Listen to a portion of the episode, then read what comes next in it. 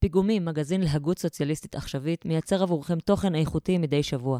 כדי שנוכל להמשיך, וכדי שנוכל לשלם על עבודה, הדבר הראוי היחיד לעשות עם עבודה, אנו מזמינים אתכם לתמוך בנו ולהצטרף כמנויים.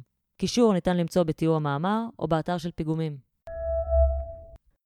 המאבק לזמן חופשי מיה טוקומיצו 30 באפריל 2020 הפחתת שעות העבודה משמעותה שחרור, הן אישי והן חברתי.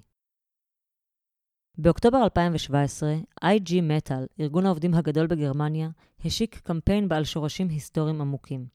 הארגון, אשר מייצג 2.3 מיליון עובדי מפעלים, ניצל את פתיחת הסכמי השכר השנתיים על מנת לדרוש הפחתה במספר שעות העבודה הסטנדרטי מ-35 שעות ל-26 שעות בשבוע, בטענה שמהלך זה יאפשר לעובדים, לצד פעילויות שונות, לדאוג לילדיהם ולקרובי משפחה מבוגרים. יוזמה זו מעלה מחדש את אחד הנושאים שהיו מסורתית מהמקודשים והמקובלים ביותר בקרב ארגוני העובדים. ובעבר, גם אחד מתחומי המאבק בהם איגודים הגיעו להישגים נכבדים ביותר. זמן חופשי לעובדים. זמן חופשי, כפי שטוען הארגון, הוא חיוני לכבוד הבסיסי שלנו. על מנת לדאוג לעצמנו ולחברי הקהילה שלנו, אנו זקוקים לזמן החופשי מייצור רווח עבור מעסיקים. ולא פחות חשוב מכך, זמן חופשי נחוץ למימוש הפוטנציאל האנושי שלנו.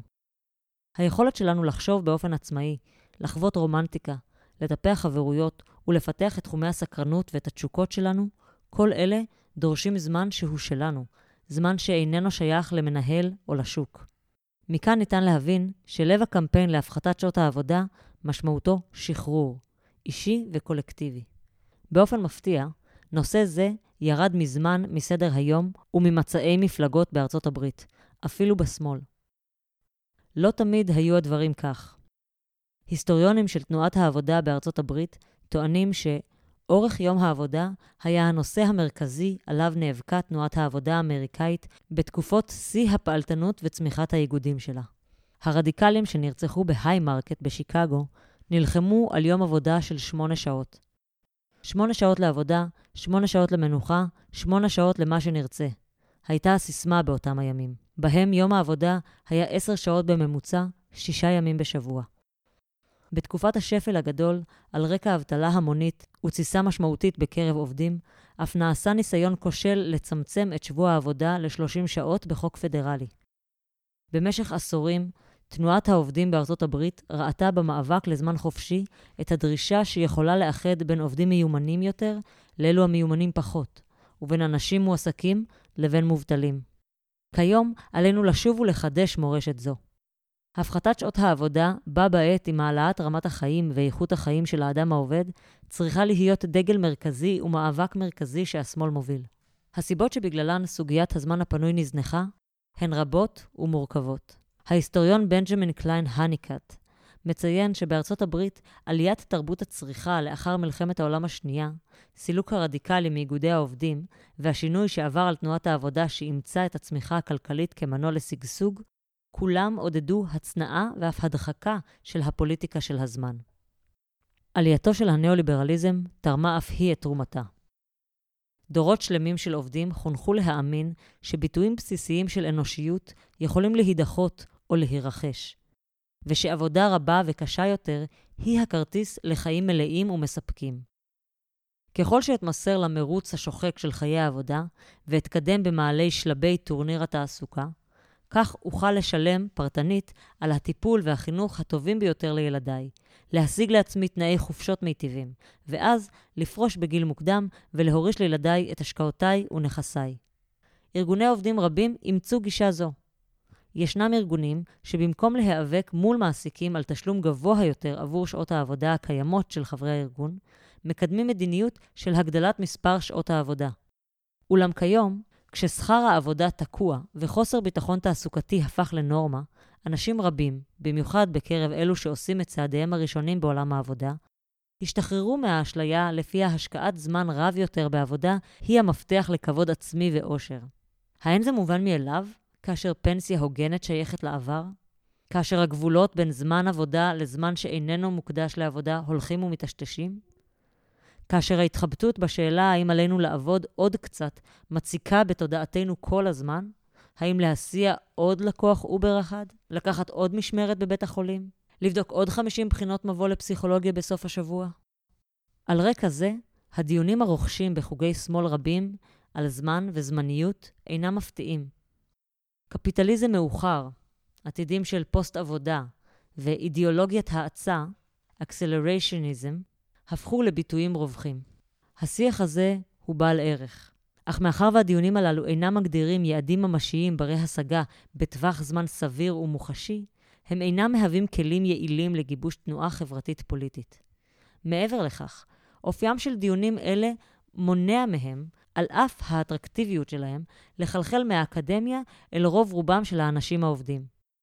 במילים אחרות, את הפרחחים הזקנים, התיאוריה והפרקטיקה, שכמו שני זעתותים רצים בכיוונים מנוגדים, עלינו לאמת ולכרוך יחדיו. בטווח המיידי, עלינו להילחם על דברים פשוטים כגון שבוע עבודה מקוצר, הגדלה משמעותית של התשלום על שעות נוספות, גילאי פרישה נמוכים יותר, ביטוח לאומי מורחב, הרחבת חופשות ההורות, החופשות בתשלום וימי המחלה בתשלום, קצבאות ילדים ושנות שבתון.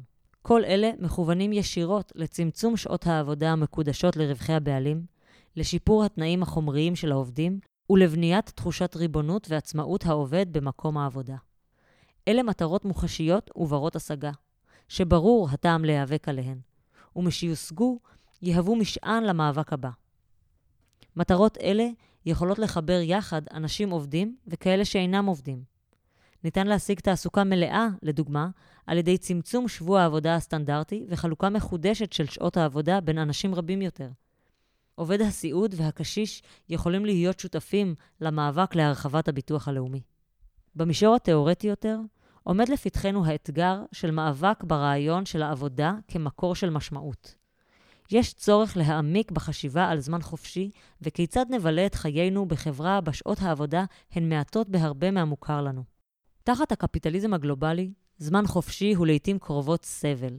המונים חווים זאת על בשרם, מפליטים הנאלצים לחיות במחנות ועד מובטלים. כפי שמבהירות מגפות ההתמכרות למשככי כאבים ולסמים ממריצים בארצות הברית, החוויה של זמן פנוי ללא גישה סבירה למשאבים וקשרים חברתיים יכולה להיות ההפך ממשחררת. אבל כסף בפני עצמו איננו הפתרון. מספיק לצפות בסרטון החיים הטובים של קים דוט קום, או יומן הכסף המתעד זוג שהכנסתו 125 אלף דולר בחודש כדי להבין את הריקנות המדכאת של מילוי הזמן בצריכה. בינתיים, גם אל מעט הפנאי שלנו התגנב הקפיטליזם, וחלחלו אליו הדחפים המוכרים מעולם העבודה לכמת ולמדוד האם הזמן שלנו נוצל ביעילות. ברור אם כן שחיוני להמשיג חזון חיובי בנוגע לאופי של זמן חופשי וכיצד ניתן לספק אותו. תנועות חברתיות ייתקלו במבוי סתום ללא חזון מעורר השראה לעתיד טוב יותר. החזון הזה יצמח ממפגש בין תיאוריה ופרקטיקה. בעניין הזה, אנחנו יכולים לקבל השראה מחו"ל. אין זה מקרה ש-IG Metal עזרה אומץ לדרוש צמצום בשעות העבודה. זהו האיגוד שהשיג את שבוע העבודה בין 35 שעות. אולם תהיה זו טעות להסיק שמאבק זה הוא ייחודי לאירופה. תנועת העבודה האמריקאית נאבקה שוב ושוב על הפחתת שעות העבודה והרחבת החופש של העובדים.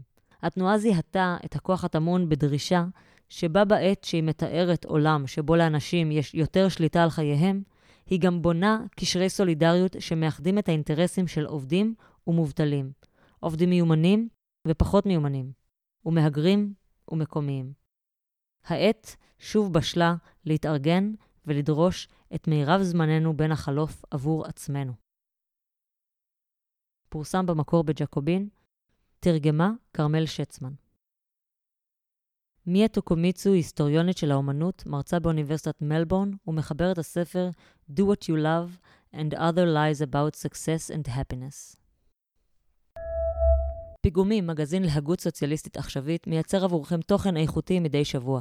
כדי שנוכל להמשיך, וכדי שנוכל לשלם על עבודה, הדבר הראוי היחיד לעשות עם עבודה, אנו מזמינים אתכם לתמוך בנו ולהצטרף כמנויים.